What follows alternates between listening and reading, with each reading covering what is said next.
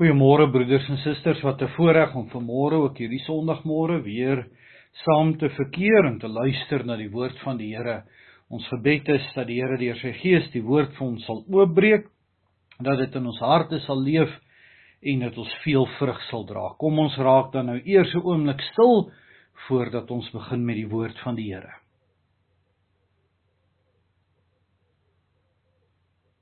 Ons bid o Here, ons hulp is in U naam. U wat hemel en aarde gemaak het, wat trou bly tot in alle ewigheid en nooit laat vaar die werke van U hande nie. Ons dankie dat ons dit ook kan bely vanuit U woord dat ons weet dat U nooit die werke van U hande laat vaar nie. Al kom ons met tye in geweldige moeilike omstandighede En al is daar dinge wat nie vir ons aangenaam en goed is nie, weet ons U is in beheer. Ons leef vanuit die goedheid van U genade, U trou en U sorg oor ons, U kinders se lewens. En ons eer U daarvoor. En ons bid dat U ons sal rig en lei dat ons ook juis in die tye soos hierdie nie net op onsself gefokus sal wees dat ons nie net na ons eie omstandighede sal kyk en daarby sal stil staan en vashak nie, maar dat ons altyd nog die oë sal oprig na U o Here en dat ons die dinge daarbo sal bedink en dat ons sal leef vanuit 'n gesindheid van redding en verlossing en ook aan ander ons liefde sal toon dat ons U sal verheerlik in ons liefde vir U bo alles maar ook in die praktiese daadwerklike liefde uitleef teenoor ons naaste. Ons bid dat U vanuit U woord tot ons sal spreek. Dit vra en bid ons alles in die naam van ons Here Jesus Christus. Amen. Geliefdes, ons gaan voort met ons reeks uit Rut. Ons lees vanmôre Rut 4 vers 9 en 10.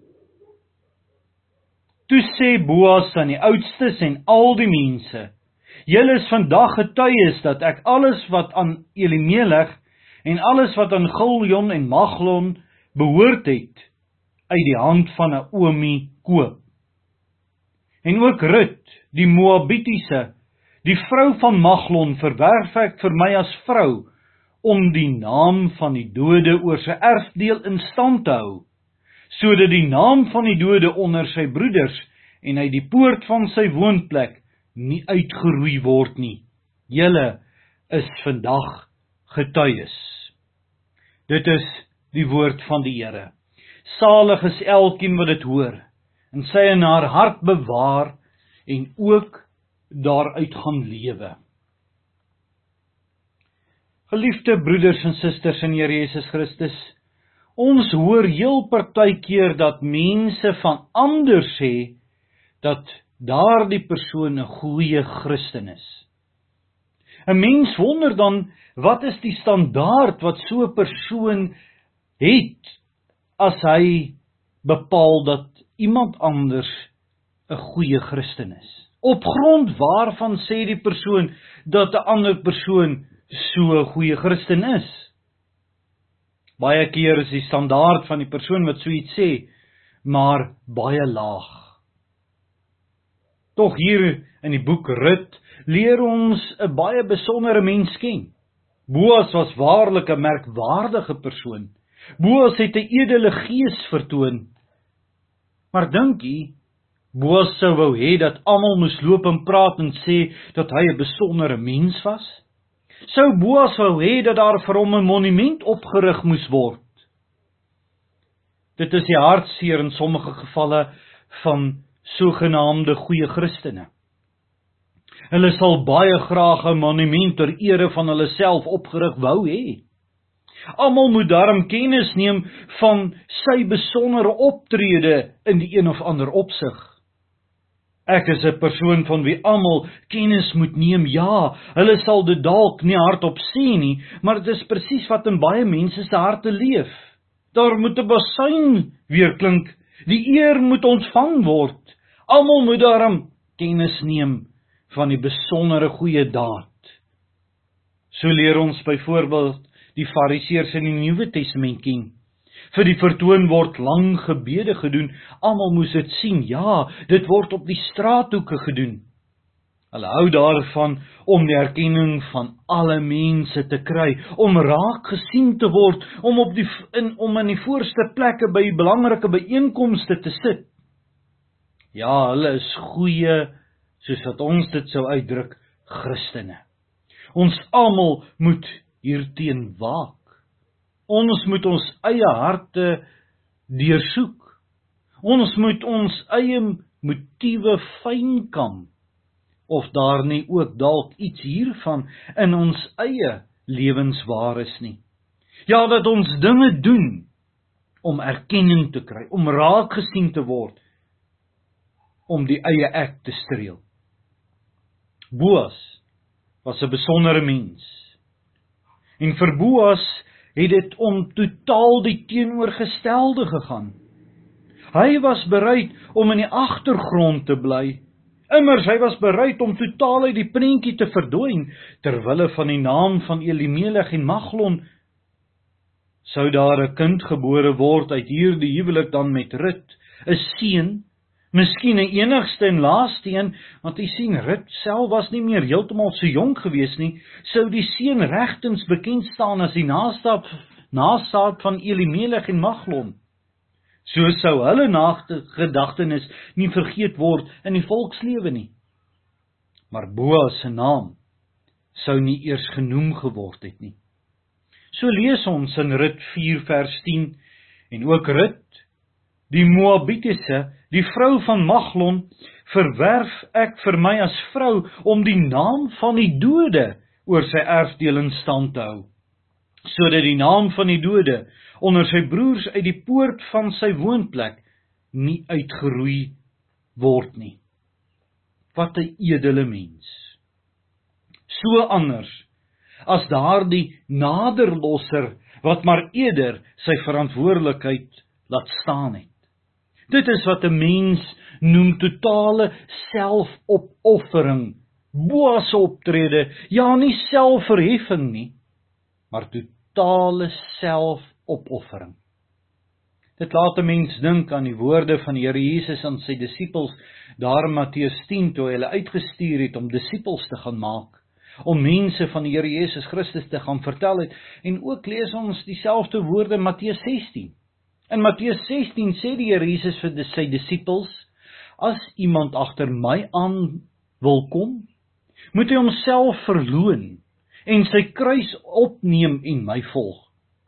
Want elkeen wat sy lewe wil red, sal dit verloor, maar elkeen wat sy lewe om my ontwil verloor, sal dit vind. Wie is die persoon wat sy lewe sal verloor volgens wat Jesus hier sê? Dit is die persoon wat homself nie kan verloon nie. Dit is die persoon wat alles in werklikheid en alles doen met die motief dat dit om homself gaan alles draai net om homself. Dit is die selfsugtige mens. Die mens wat in waarheid net die eie ek dien.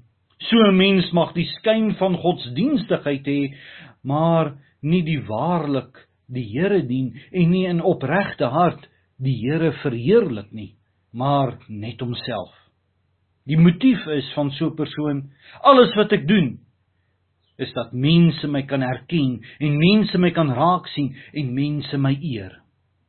Mense sal selfs met die dekmantel van vroomheid en godsdienstigheid net hulle eie voordeel soek.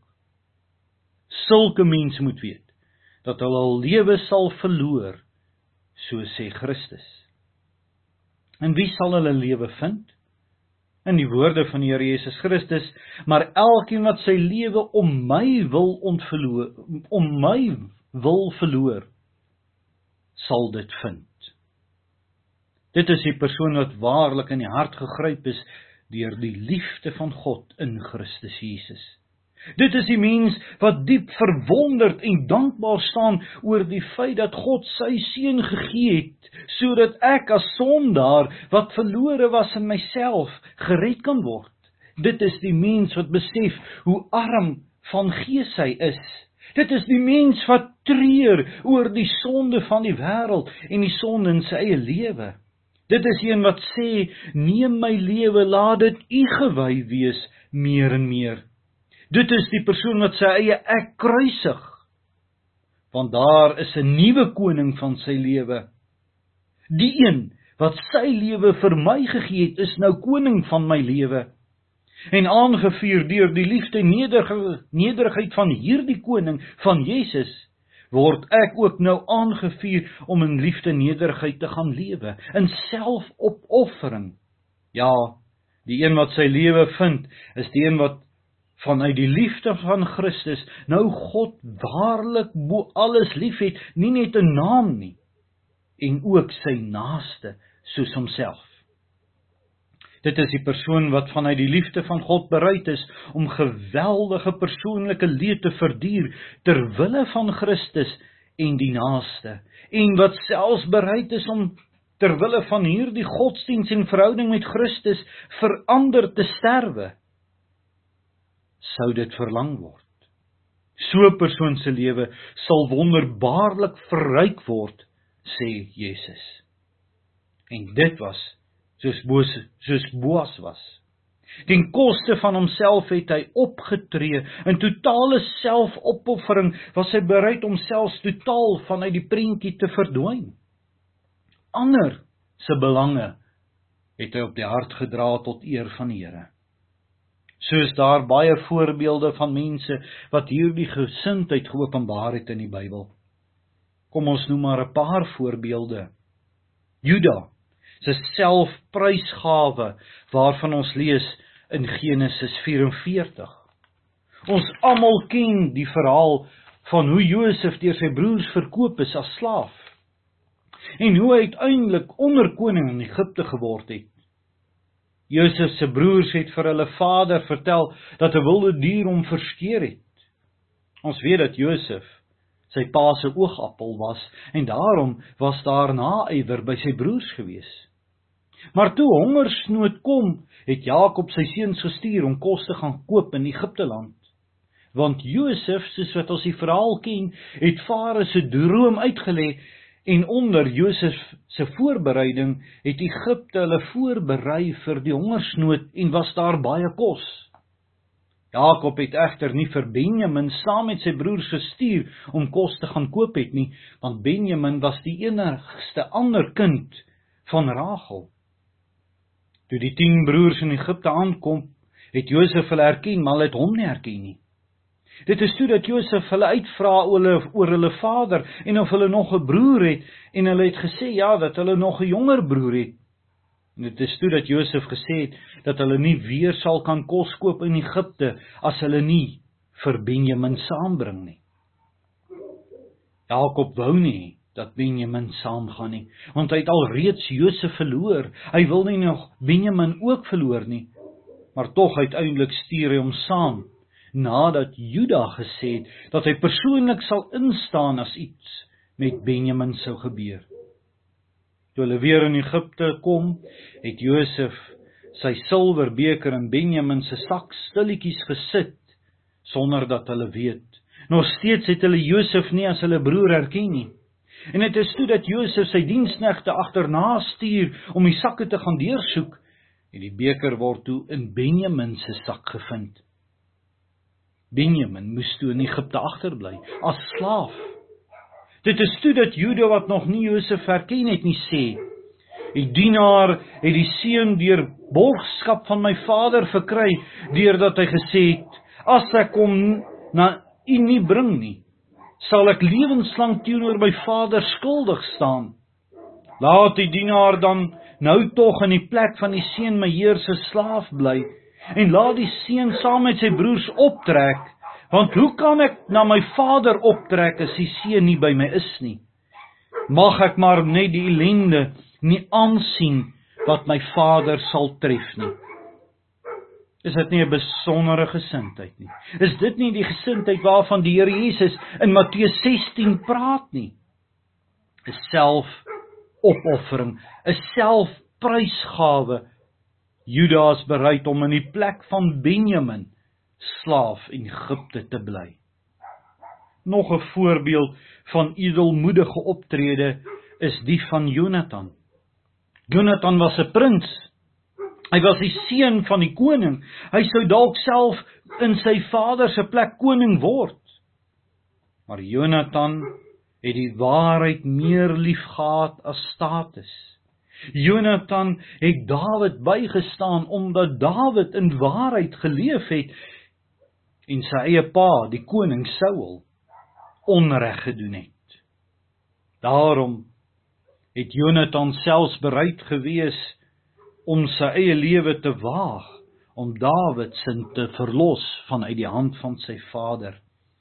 'n Getroue mens, 'n eerbare mens, 'n mens wat opgetree het in die koninkryk van God ter wille van ander se voordeel.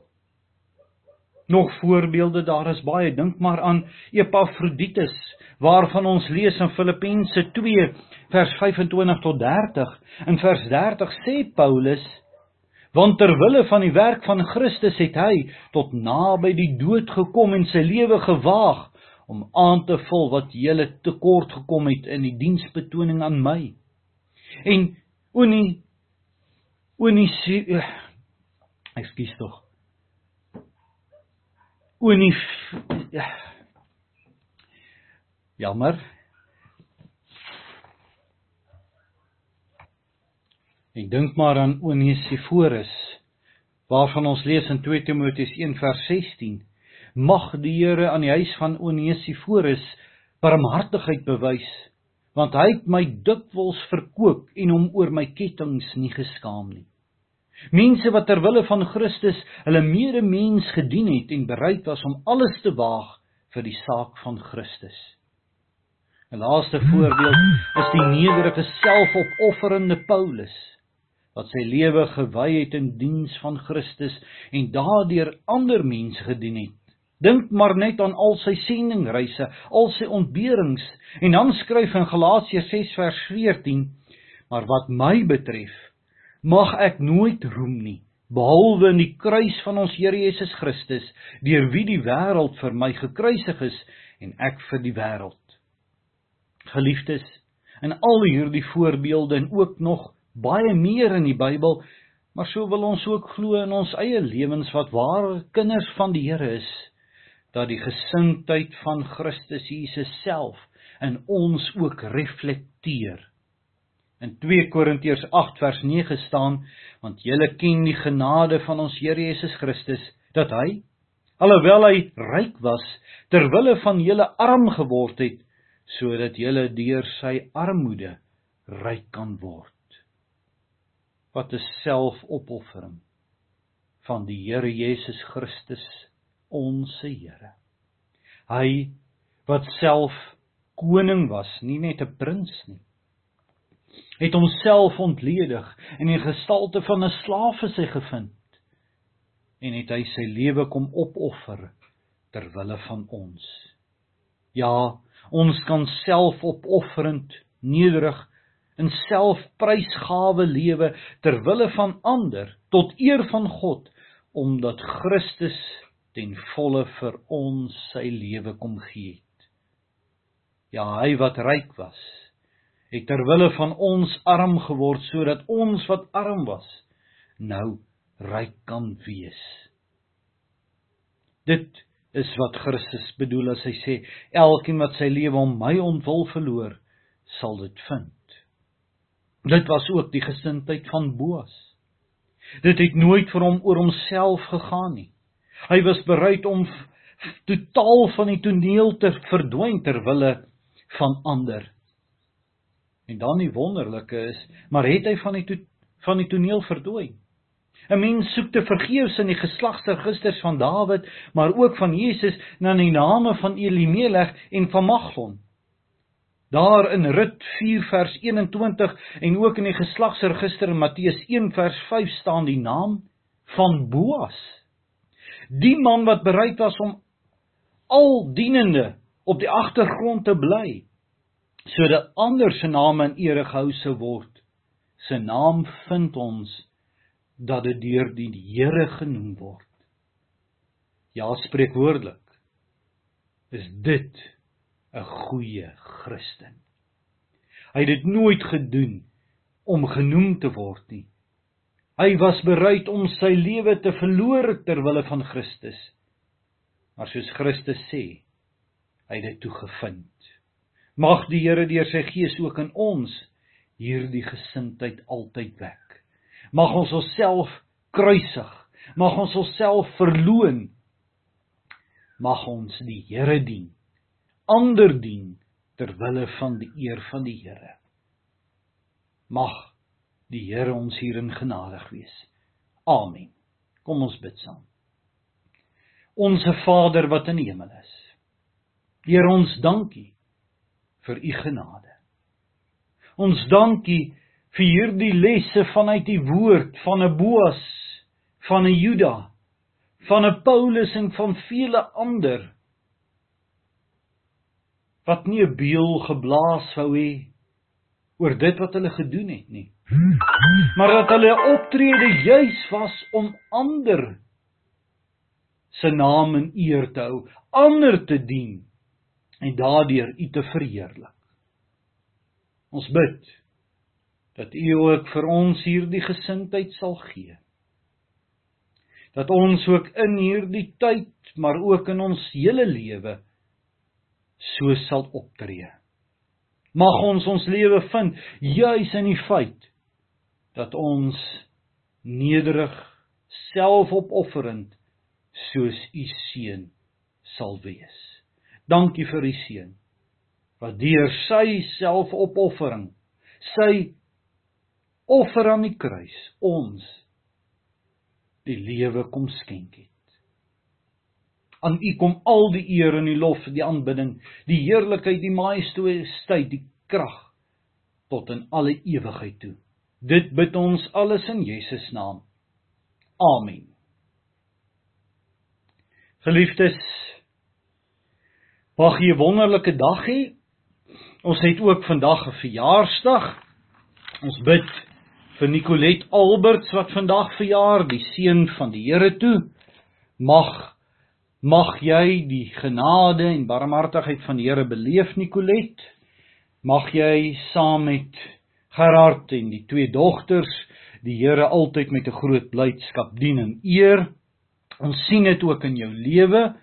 Ons is dankbaar vir dit wat jy ook in die kerk en die liggaam van die Here Jesus Christus doen. Ons weet jy doen dit nie om geëer te word en dat daar 'n 'n 'n groot beeld geblaas moet word voor jou nie In nederigheid doen jy dit.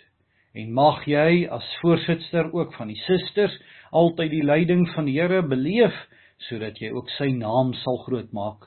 Ons bid dat dit vir jou 'n mooi dag sal wees en 'n geseënde jaar en dat ons in alles altyd die Here sal verheerlik deur ons dienende optrede teenoor ander. Jy moet ook onthou die verbondsonderrig les 11 moet vandag gedoen word mag u ook u verantwoordelikheid wat dit aanbetref nakom. Ons bid dan vir u almal 'n geseënde dag toe.